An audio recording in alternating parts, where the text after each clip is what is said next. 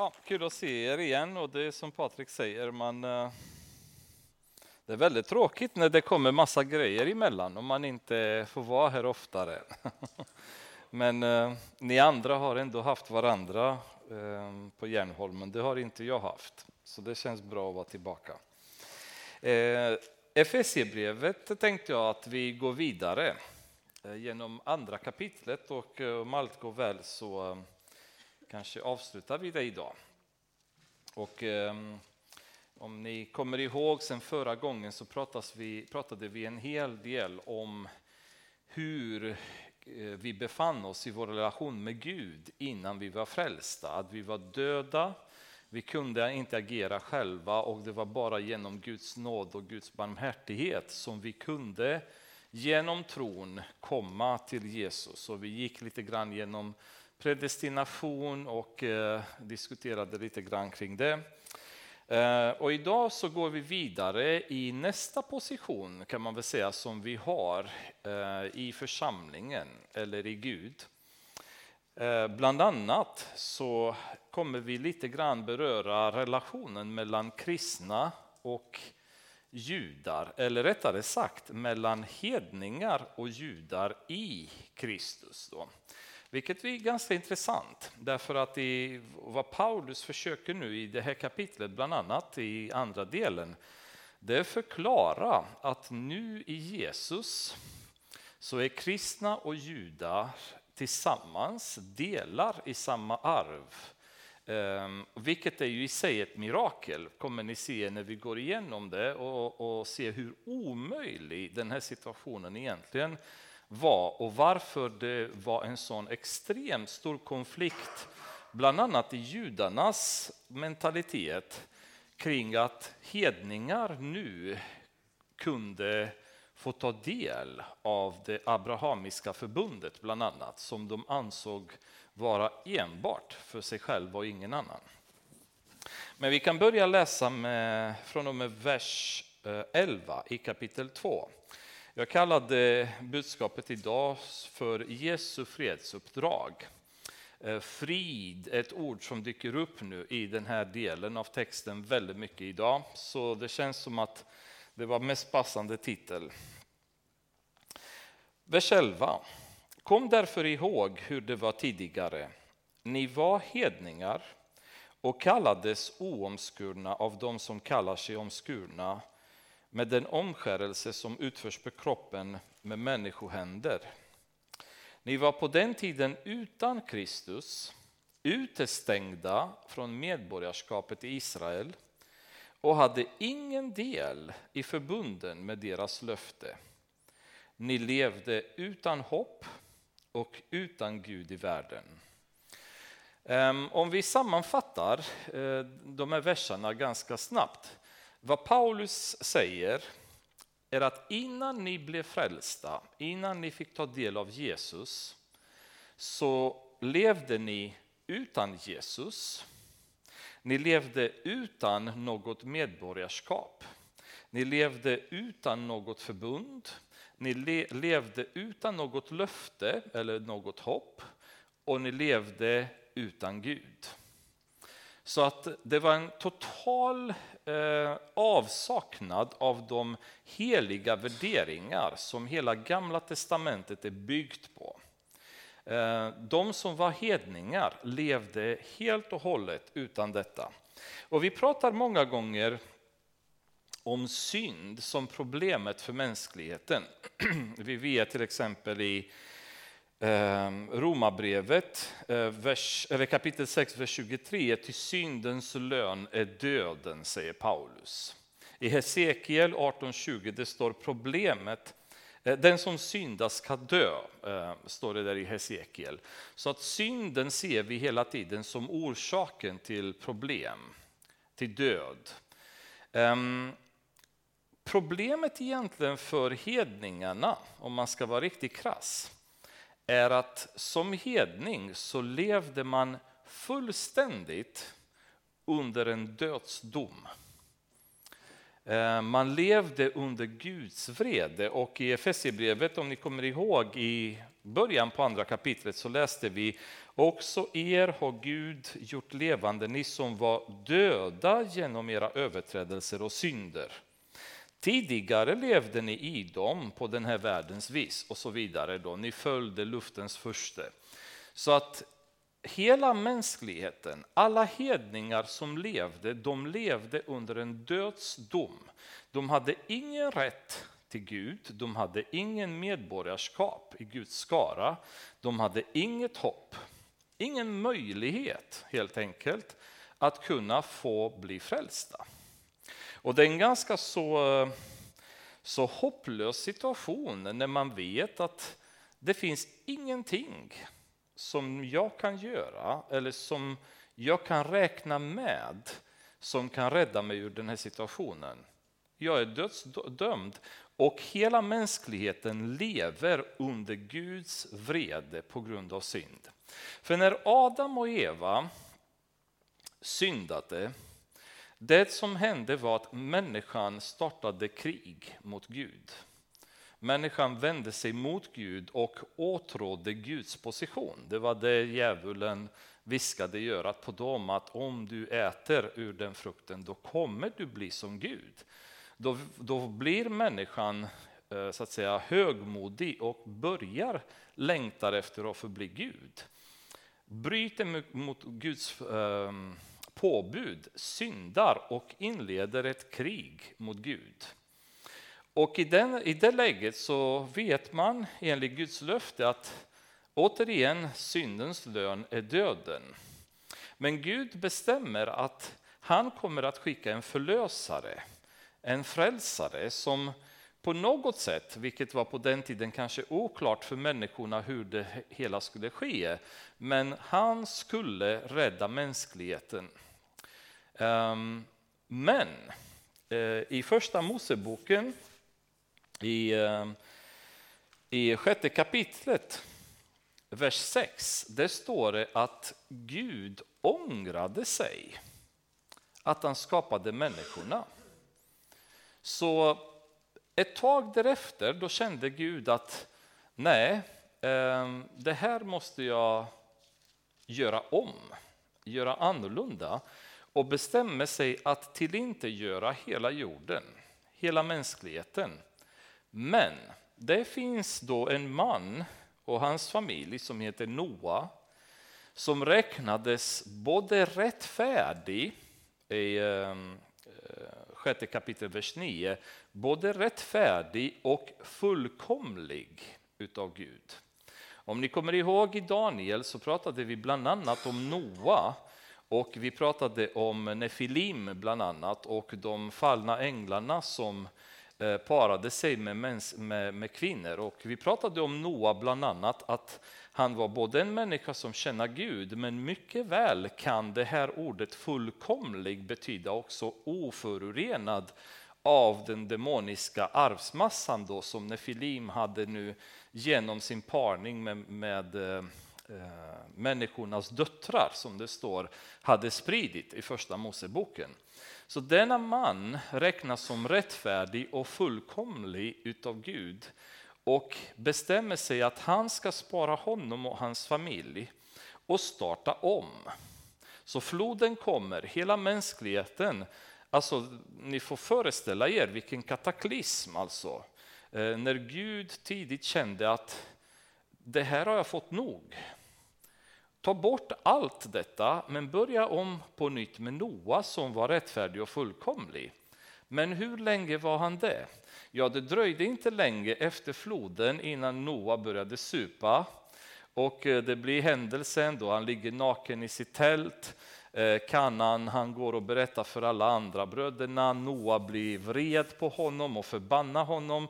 Kanan i sin tur börjar leva i synd därefter. Och några generationer senare eh, efter att påbudet gavs till Noa att föröka sig och sprida sig över hela jorden, några generationer senare är världen så syndig igen så människorna samlas ihop och bestämmer sig att bygga Babels torn eh, för att kunna tillsammans bo i samma stad och slippa föröka sig och sprida sig över hela jorden så som Gud hade gett dem påbudet att göra. Eh, ni kan läsa första Moseboken 9 kapitel vers 7, versus 11 kapitel vers 4. Där i 9 kapitel vers 7 så ger Gud eh, Eh, påbudet att ni ska sprida er över hela jorden. I 11 kapitel vers 4 då kommer de på att nej, det ska vi inte göra utan vi ska bygga en stad, en stad där vi kan samlas där så att vi slipper sprida oss över hela jorden.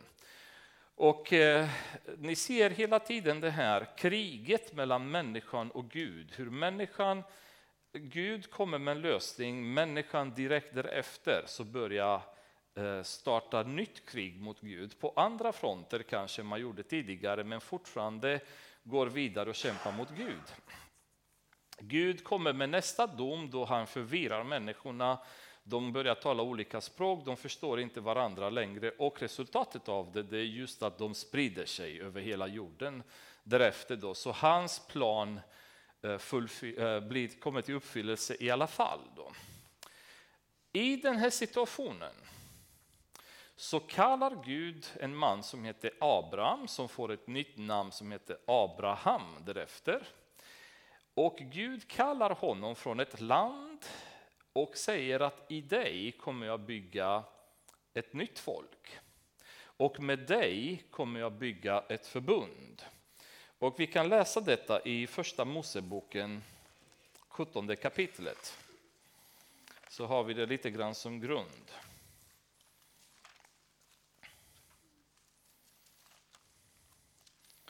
Första Moseboken 17 och sen vers 7.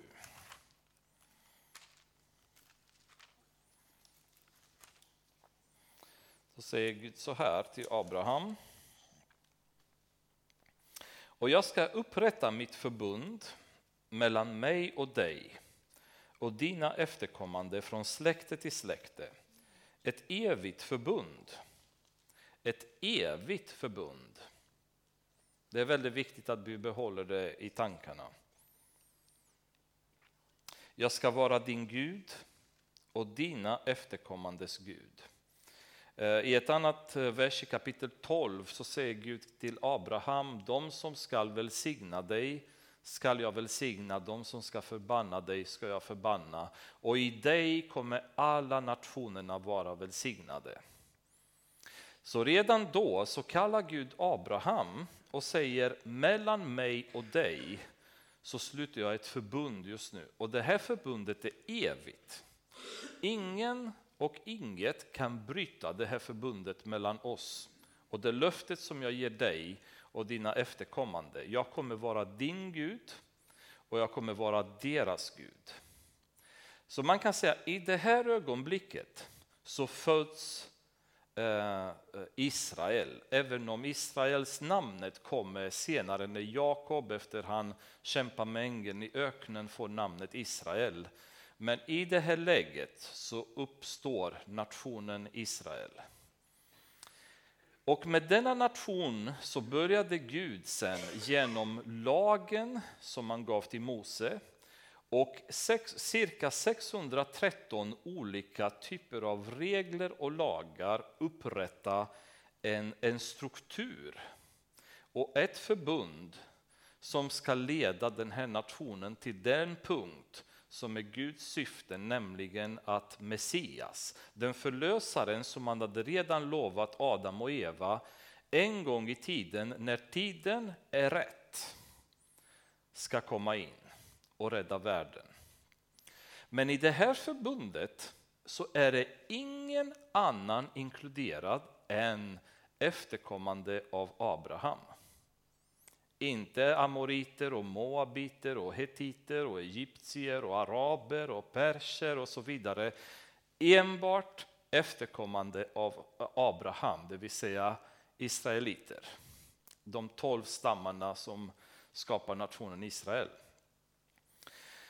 Hedningarna, som Paulus säger i Efesierbrevet, de levde utan hopp, utan något förbund. Nu förstår ni vad han menar när han säger ni levde utan ett förbund. Det fanns inget förbund skrivet mellan Gud och hedningarna, utan enda förbundet som är skrivet är mellan Gud och Abraham och därmed hans efterföljare.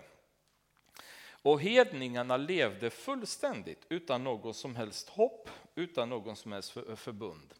För hedningarna fanns det enbart dom kvar. Vi kan öppna till Jesaja 31 kapitel, eh, eh, 34 kapitel. Det finns väldigt många verser som refererar till det, men jag ska bara ta och citera detta för jag tyckte det var ganska tydligt. Eh, 34 kapitlet, vers 2. Då står det så här. Ty Herrens vrede är riktad mot alla hedna folk, hans förbittring mot alla deras härskaror. Han överlämnar dem till undergång, han utlämnar dem till slakt. Det är vad Gud hade i tankarna för hedningarna, för de som var icke-judar. De som levde och tillbad andra gudar, de hade andra religioner och gjorde precis som de ville. Ehm, om ni kommer ihåg när Jesus själv kom, vilka var det Jesus kom att verka bland? Det var judarna. Han befann sig i Israel, han predikade till judarna hela tiden. I Matteus evangeliet i 15 kapitlet, när den kananeiska kvinnan närmar sig Jesus för att be honom om hjälp för hennes besatta dotter, så svarar Jesus att jag inte kommit, eh, jag har kommit för att medverka för judarna, inte för några andra.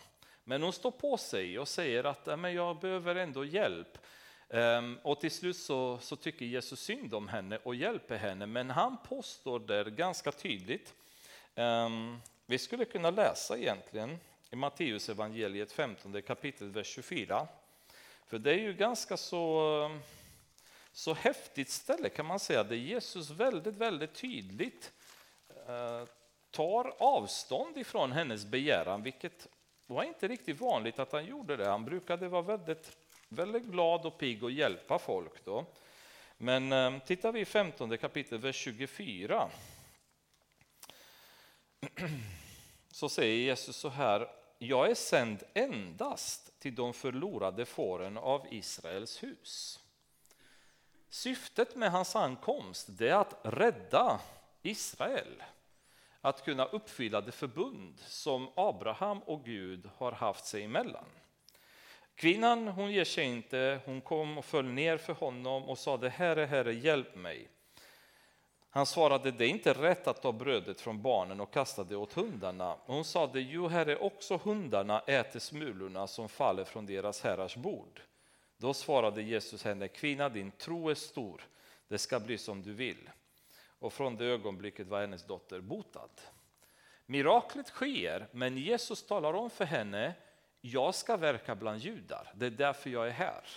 Men hon ger sig inte och hennes tro är det som rör Jesus och dottern blir, blir botad.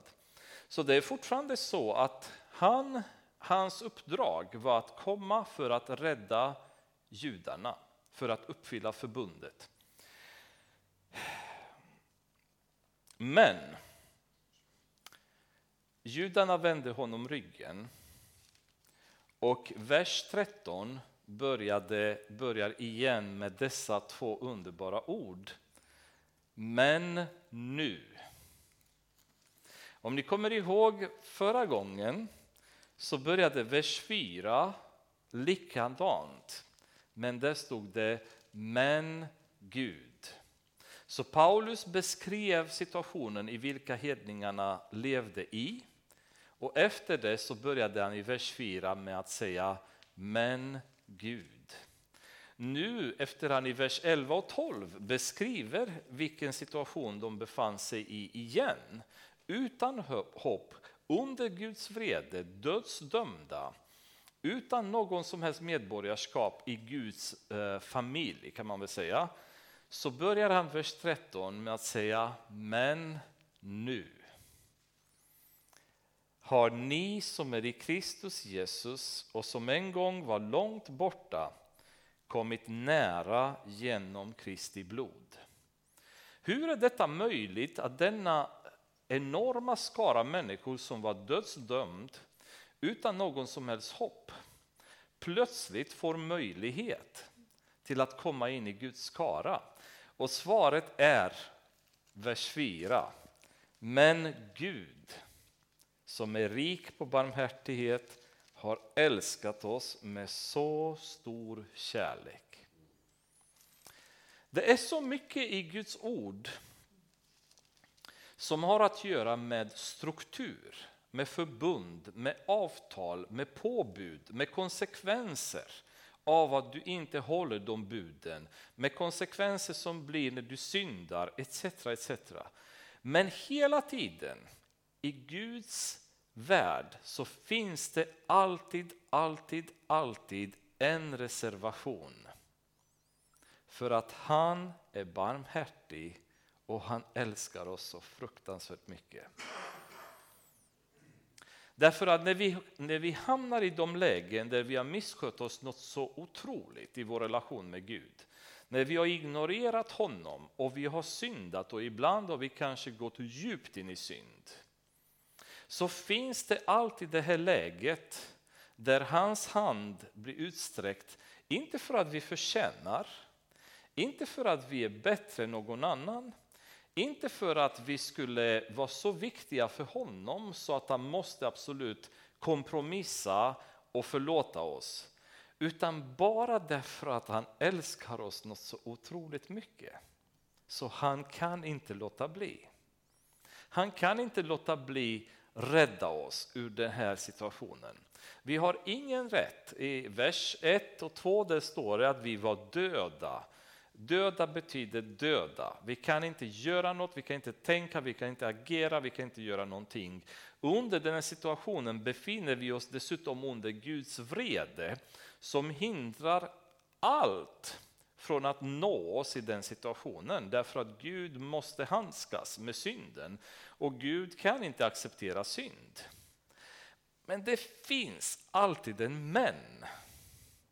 Men nu kommer Jesu Kristi blod i spelet.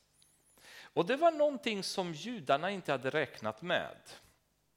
De visste inte vad Jesu Kristi blod egentligen kan åstadkomma.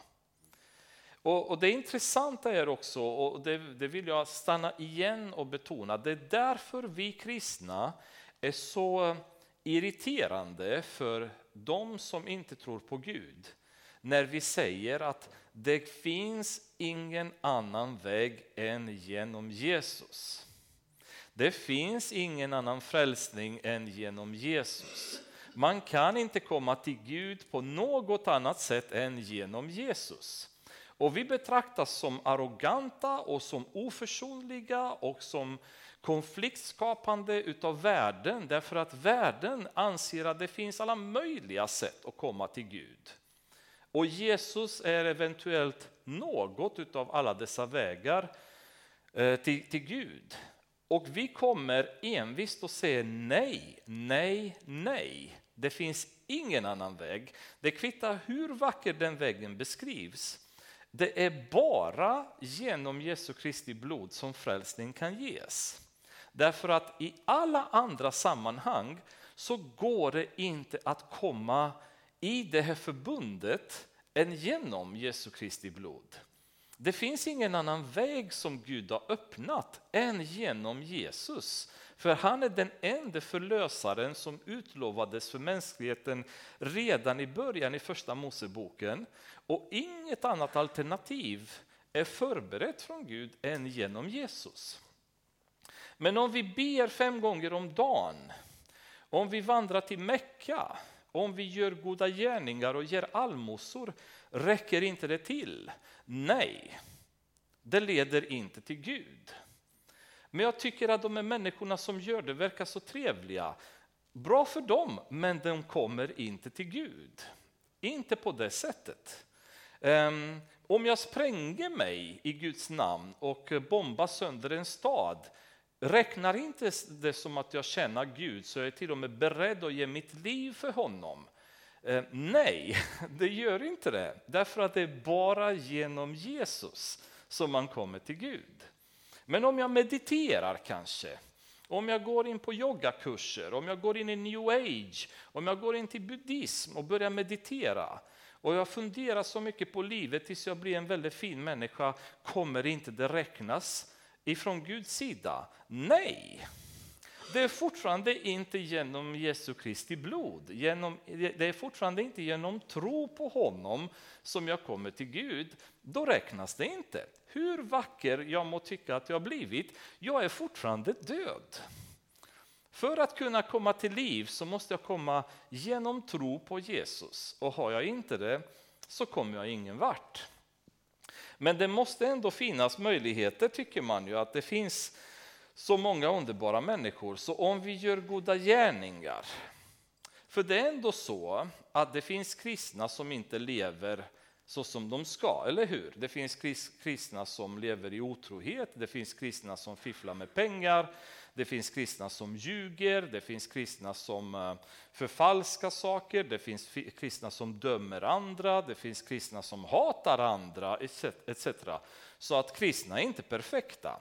Så om jag som bara vanlig Svensson börjar leva ett liv och sköta mig riktigt bra men inte tror på Gud räknas inte det jag som en bättre människa än de som kallar sig kristna men ändå trampa i klaveret med jämna mellanrum? Nej, det räcker fortfarande inte, därför att utan Jesus så är vi döda och en död människa kan inte göra någonting.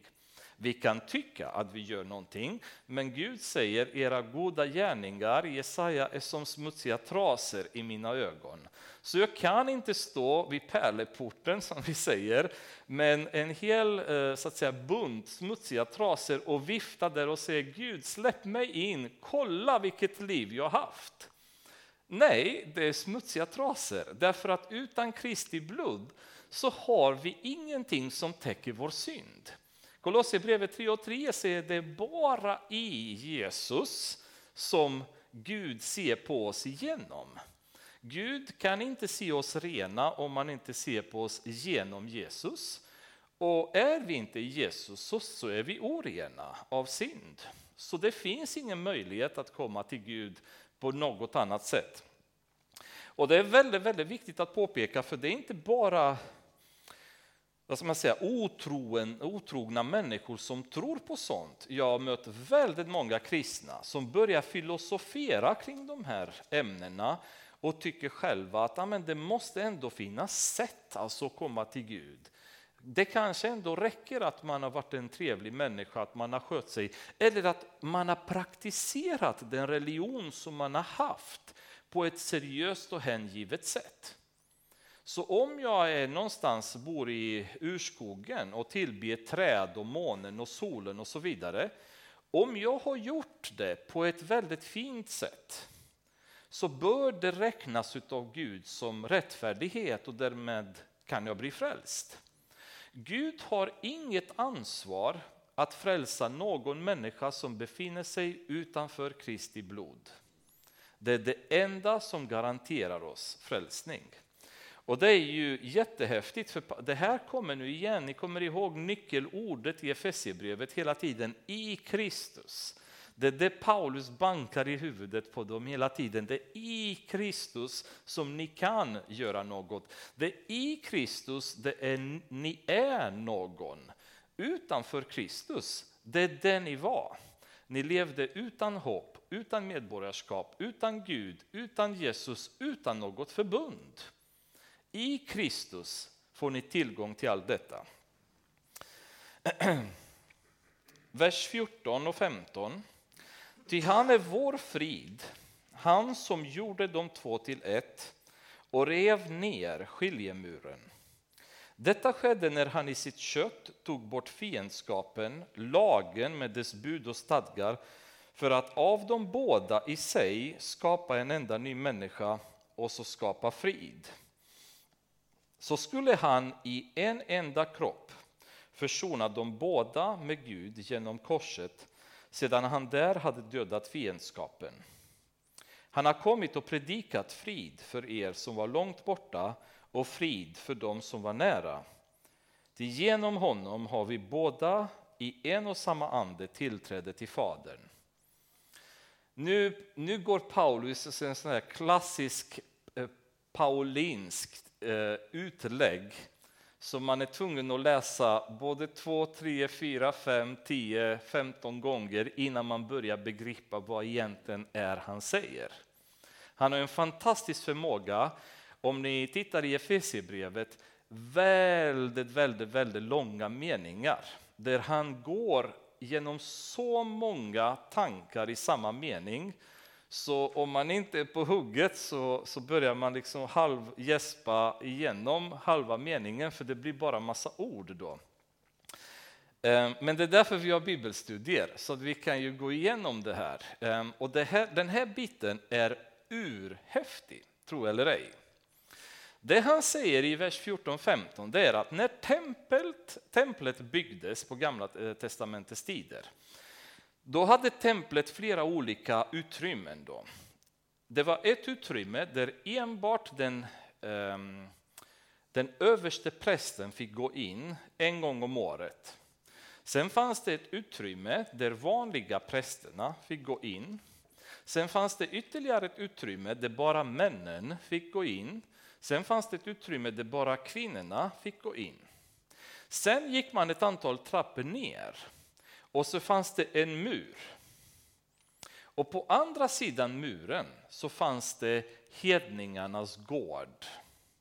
Där fick alla människor som ville besöka templet och inte var judar, de fick samlas där. Hade man passerat muren från hedningarnas gård till de andra utrymmena i templet då hade man omedelbart blivit avrättad. Det stod till och med en text där på muren att om man går förbi den här muren så kommer man förlora sitt liv. Då. Det var väldigt, väldigt noggrant att hedningarna skulle avskiljas från judar och de fick bara samlas i den här hedningarnas gård. Vers 14-15 säger Paulus, ty han är vår frid som gjorde de två till ett och rev ner skiljemuren. Detta skedde när han i sitt kött tog bort fiendskapen, lagen med dess bud och stadgar. Det som hände var att eh, den här enorma lagen som judarna hade fått, det var det som bevarade deras identitet. Och det var det som skilde dem från hedningarna. Det var det som, som förhindrade att hedningarna blev judar. Och kriterierna för att någon skulle överhuvudtaget konvertera till judaism var väldigt, väldigt svåra och hade väldigt mycket med att man var tvungen att lära sig den här lagen och börja respektera det innan man överhuvudtaget fick en chans att komma in bland judarna. Den här lagen, säger Paulus, det är den som Jesus nu tar bort. Dessa 613 olika påbud, och då menar jag det är inte bara 613 påbud, utan judarna har sen skrivit ytterligare en bok med en massa olika lagar om hur de ska kunna hålla de 613 lagarna som de redan hade. Så utöver de 613 lagarna så har de lagt till en massa andra lagar som skulle förklara hur de 613 lagarna ska uppfyllas. Så hela deras liv kretsar kring petitesser och små, små så att säga, grejer att tänka på. En sån enkel grej där om, om man nu skulle vara i en synagoga en lördag och eh, sitta i bänken och tycka att oj vad spännande, det var väldigt bra predikan, ta fram pennan, börja ta lite anteckningar. Det är en synd. Du får inte göra manuellt arbete på en lördag, det vill säga du får inte hålla i en penna och du får inte skriva en text. Bara sådana saker, alltså om man börjar gräva så är det helt oändligt med sådana regler. Och detta skapade ett problem. Det, det fanns aldrig en möjlighet för judar att acceptera hedningar eller för hedningar att acceptera judar. De krockade med varandra ständigt. När Jesus kom så tog han ner den här skiljemuren och säger nu är vägen öppen för alla att komma till mig, judar och hedningar tillsammans och förstå vilken chock det här måste ha varit för judarna. De kunde inte få det klart i sitt huvud att det här är möjligt. Det är därför de gick hela tiden och sa okej, okay, kristna, kristna, det är mycket möjligt, men ni måste omskära er. För att i deras värld så kan du inte vara en del av oss om du inte är omskuren. Och glöm inte att de första kristna var judar. Ehm, det är ganska viktigt att tänka på att kristendomen, vi tänker på det utifrån den kyrkohistoria som vi har lärt oss idag, men kristendomen ursprungligen var en judisk sekt och ingenting annat. Ehm, de kristna började kallas kristna första gången i Apostlagärningarna 11 kapitel vers 26 i Antiochia. Eh, men det namnet egentligen som gavs för dem på den tiden, det var vägen. Det användes eh, flera gånger i Apostlagärningarna. Vi kan läsa bara några av dem. Om ni öppnar till Apostlagärningarna nionde kapitlet. Och så vers 2. Eh, vi kan läsa vers 1. Saulus som fortfarande andades hot och mordlust mot eh, Herrens lärjungar gick till översteprästen och bad att få med sig brev till synagogorna i Damaskus. Och man kunde finna några som hörde till den vägen, män eller kvinnor, skulle han fängsla dem och föra dem till Jerusalem. Apostlagärningarna 19 kapitlet kan vi läsa vers 9.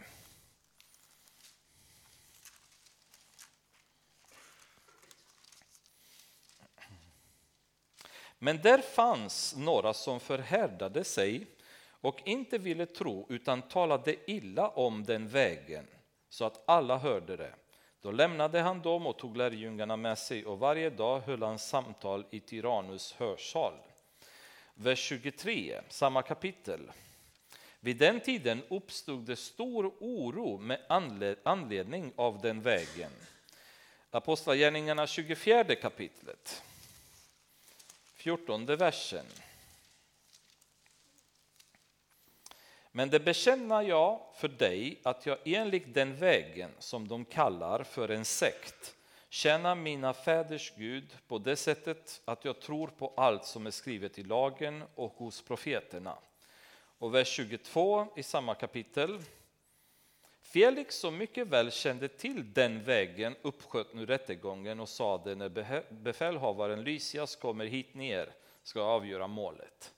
Ni ser vad många gånger det här ordet dyker upp i Apostlagärningarna. Har ni tänkt på det någon gång förut?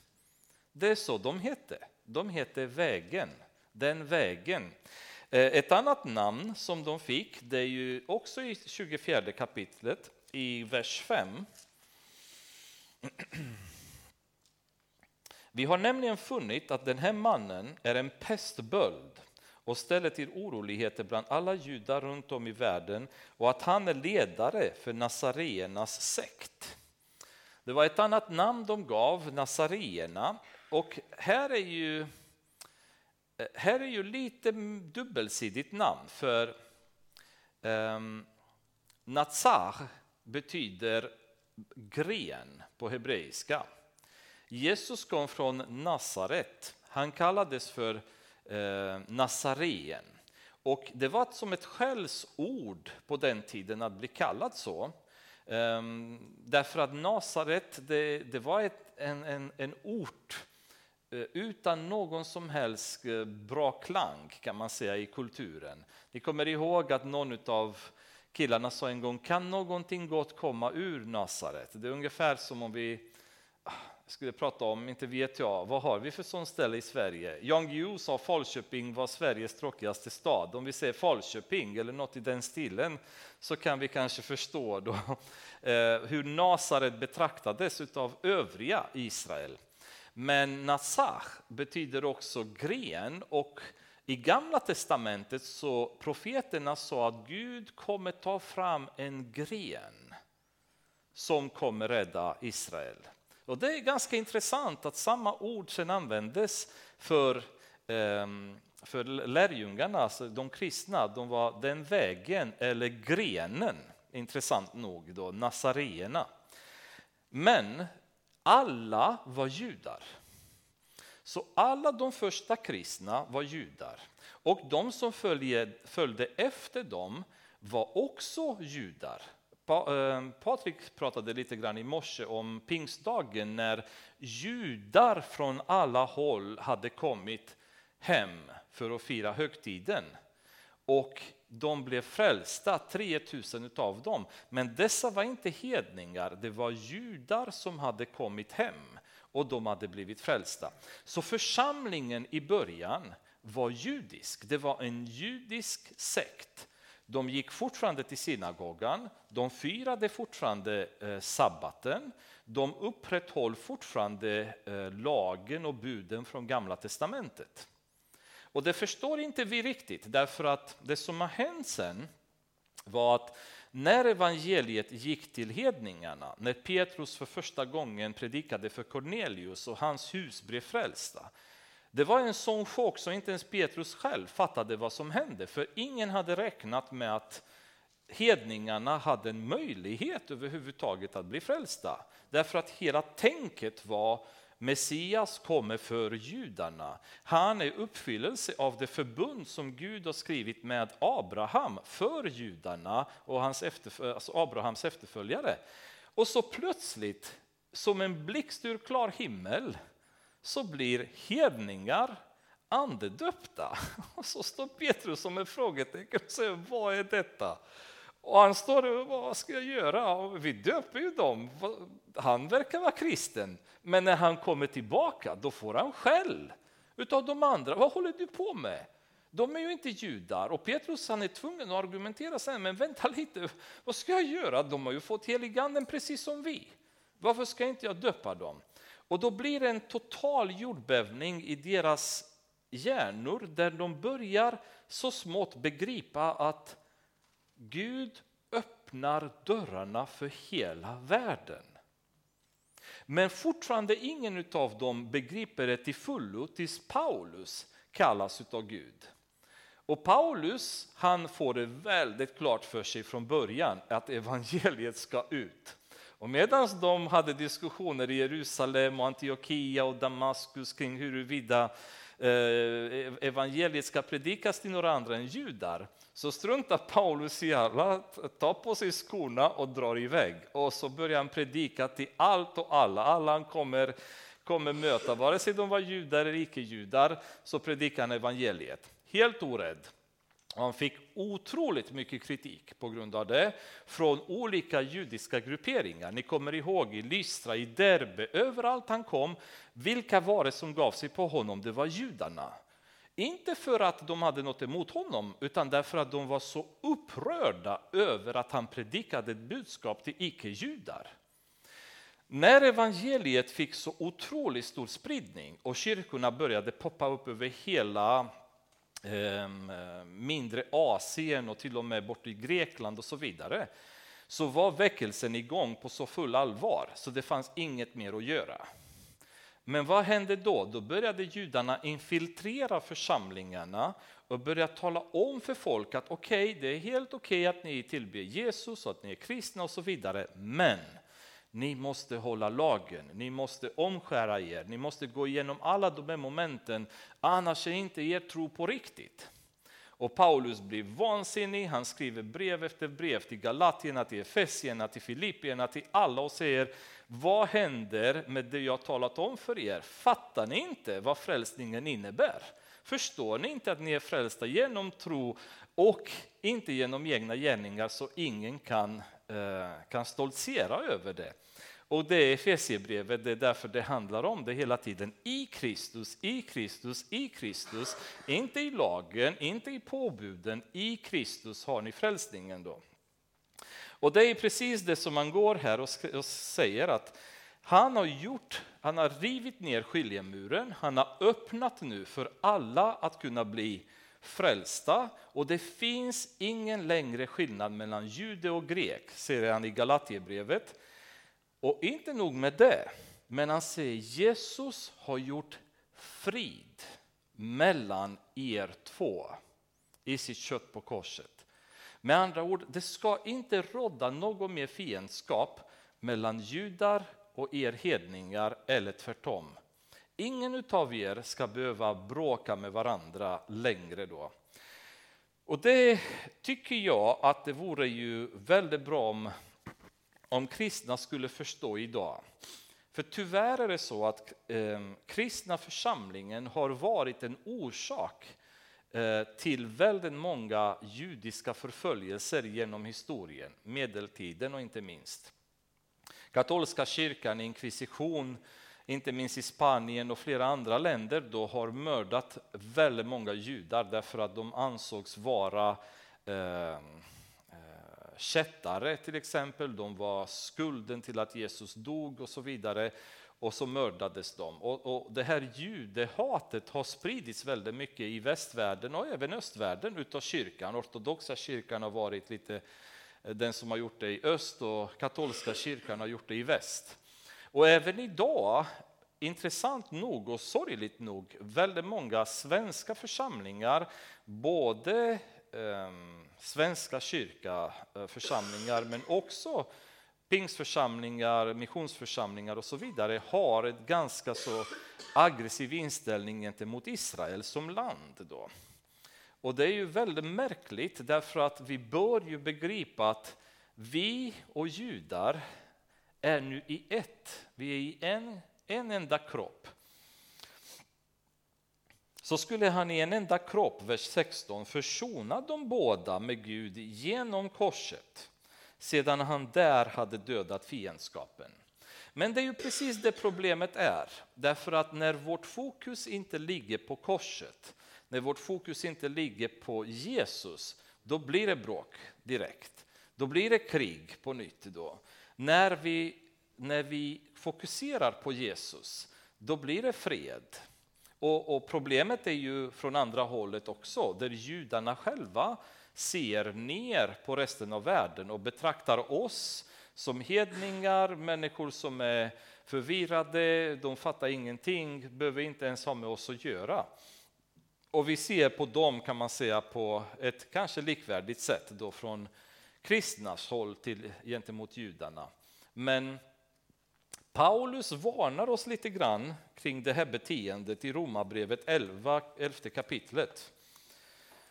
Ehm, där han skriver så här, just när det gäller inställningen gentemot judar.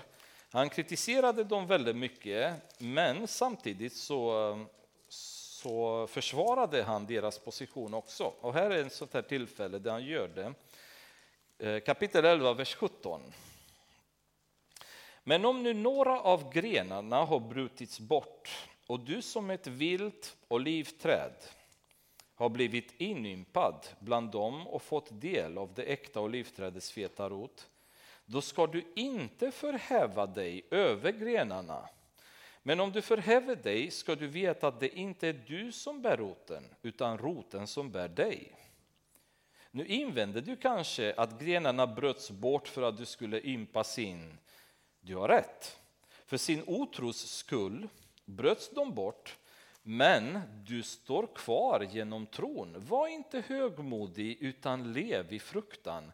Ty om Gud inte skonade de naturliga grenarna ska han inte heller skona dig. Paulus varnar för det här beteendet och säger tänk att ni har blivit inympade i det här olivträdet och, och olivträdet symboliserar alltid liksom eh, livet och, och, och frodigheten och så. Och vi har blivit inympade i olivträdet. Och då, vad hände? Då har kristna blivit arroganta och börjat se ner på judarna. Och till en så pass stor arrogans så att även i kristna församlingar idag, och det har pågått väldigt länge, så har det kommit nu en trend som heter utbytesteologi. Vilket eh, har undervisats i väldigt många år i församlingar där man lär oss att när judarna har vänt Jesus ryggen så har Gud tagit bort dem från arvet, från förbundet. Och istället så har han tagit oss kristna, inympat oss i det trädet och, och vi har blivit delar av det förbundet istället för judarna. Så judarna har blivit förkastade, kyrkan har kommit och är det nya Israel, det nya Jerusalem. Ni har hört det här, eller hur? Församlingen är det nya Jerusalem och nya Israel. Det är falskt. Det finns ingenting sånt i Bibeln som undervisar att judarna har blivit borttagna och ersatta av kristna. Utan Efesierbrevet säger väldigt tydligt, tillsammans är judar och kristna nu inympade i Jesus. Vi är en del av Jesu kropp. Och därför ska vi passa oss för den här teologin, därför att det skapar väldigt mycket galenskap sen när man ska tolka bibeltexter där allt som har med Israel att göra tolkas vara till kyrkan då blir det ju sån förvirring så det liknar ingenting. Men det, det berodde på en arrogans som började ganska tidigt, redan i kyrkohistoriens fädrar, då 300-talet, då så började de med det här utbytesteologi, att Israel, det är bort, istället så är kyrkan in och vi är inympade, vi är del av, av förbundet nu själva. Men Gud har sagt till Abraham, det här förbundet är evigt. Det är evigt mellan mig och dig. Det finns inget, inget, jag kommer aldrig bryta det. Det som har bara hänt, det är att vi som hedningar har fått nu komma in och ta del av det förbundet. Och detta förklarar Paulus nu i sista verserna. Han har kommit och predikat frid för er som var långt borta och frid för dem som var nära. Alltså frid, frid, frid, frid. Det dyker upp gång på gång på gång i den här biten. Då. Och han har ju predikat frid till oss. Han försöker att ena både de som var borta, det vill säga vi hedningar, och de som var nära, det vill säga judarna. Ena oss genom frid. Då. Genom honom har vi båda i en och samma ande tillträde till Fadern.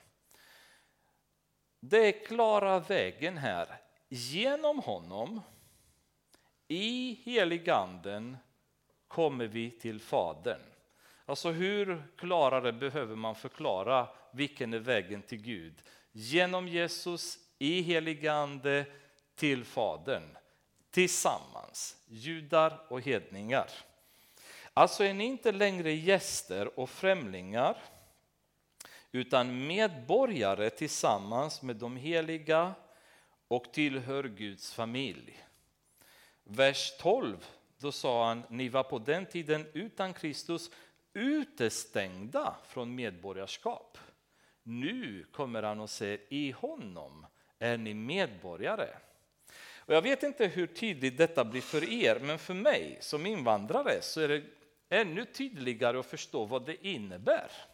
För när man kom till Sverige, eh, då var man ehm, jag var inte flykting på något sätt, men jag var nyinflyttad här. Man hade inte ens ett personnummer, man hade ett provisoriskt personnummer. Och ni vet att på, i Sverige kan du nästan inte ens gå på toa utan att du visar personnumret någonstans. Det är liksom alla svenskarnas viktigaste del, personnumret. Och bara det i sig, att man hade, man hade inte ett personnummer, man hade något provisoriskt som man fick visa. Man hade inget riktigt lägg, utan man hade provisor, en provisorisk legitimation. Då.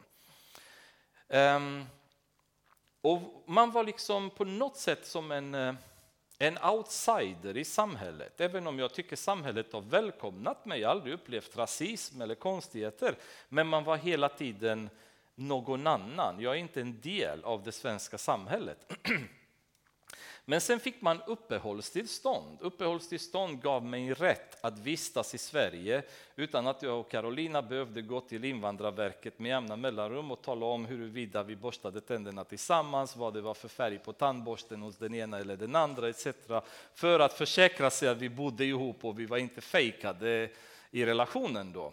Eh, nu har jag fått uppehållstillstånd. Jag kan, kan uppehålla mig här i Sverige men jag är fortfarande inte en svensk medborgare. Jag kan inte rösta. Jag kan inte känna att jag är en del av det här landet. Idag är jag svensk medborgare. Och det som är intressant för mig, när Sverige och Rumänien spelar fotboll, idag hejar jag på Sverige. Jag hejar inte på Rumänien längre. Ehm, jag identifierar mig med svensk historia och när jag läser historia så är det för mig en stolthet att läsa vad olika svenska kungar har åstadkommit eller gjort eller byggt. Därför att det är mitt land. Jag får en del av den historien. Eh, jag är svensk. Och det Paulus säger att innan Jesus så hade ni ingenting av detta. Ni hade ingen del av det förbundet och det historia som judarna hade.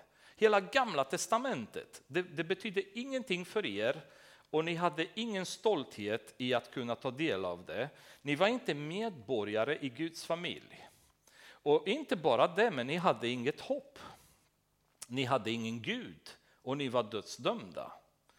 Ehm, och det är ju en väldigt tydlig känsla det här när man kommer in och man blir en medborgare som nu han säger alla dessa hopplösa människor, alla dessa miljontals människor som inte hade något hopp. Nu kommer Jesus på korset och säger det är öppet för er, skiljemuren är nerriven, nu är det bara att komma in. Och varför gör man inte det då? Varför tar man inte vara på den här möjligheten nu och rusar in i Guds familj för att ta del av de välsignelser som förbundet säger. Den som ska välsigna dig skall jag välsigna. Den som ska förbanna dig ska jag förbanna, säger Gud till Abraham och nu är vi en del av det förbundet. När någon ger sig på en kristen så är Gud där och hjälper till. När någon hjälper en kristen, då är det Gud där och välsignar den personen. När, när en kristen dyker upp på en arbetsplats så blir den arbetsplatsen välsignad på grund av den människans närvaro. När kristna dyker upp i samhället då blir städer välsignade, länder blir välsignade på grund av att det finns kristna där i. På grund av det förbundet som Gud har lovat Abraham och vi har blivit en del av och inimpade i det förbundet utan någon rätt att vara där. Utan bara för att Gud är så otroligt barmhärtig och älskar oss så mycket. Det enda, enda anledningen till att vi är med.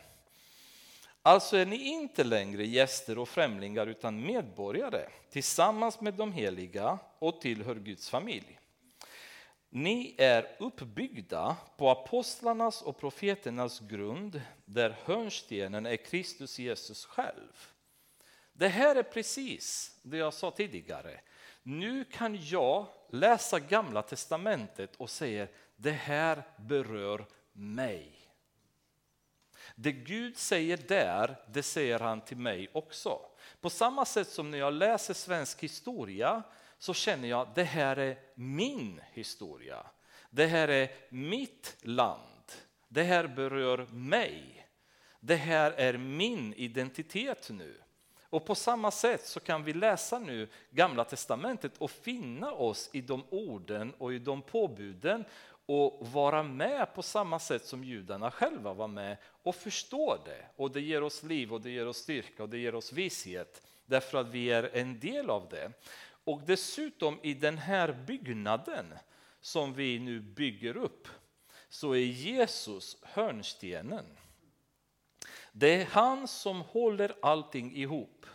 Det är han som ser till att det blir frid mellan de här olika nationaliteterna.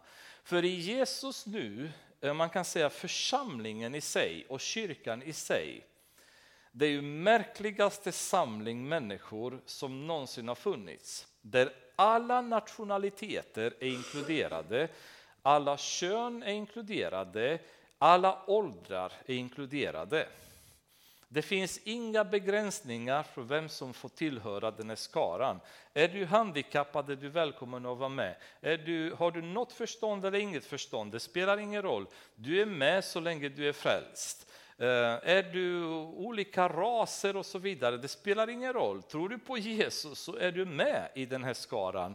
Varför? Därför att vi har en gemensam eh, nämnare för oss alla och det är Jesus Kristus hörnstenen.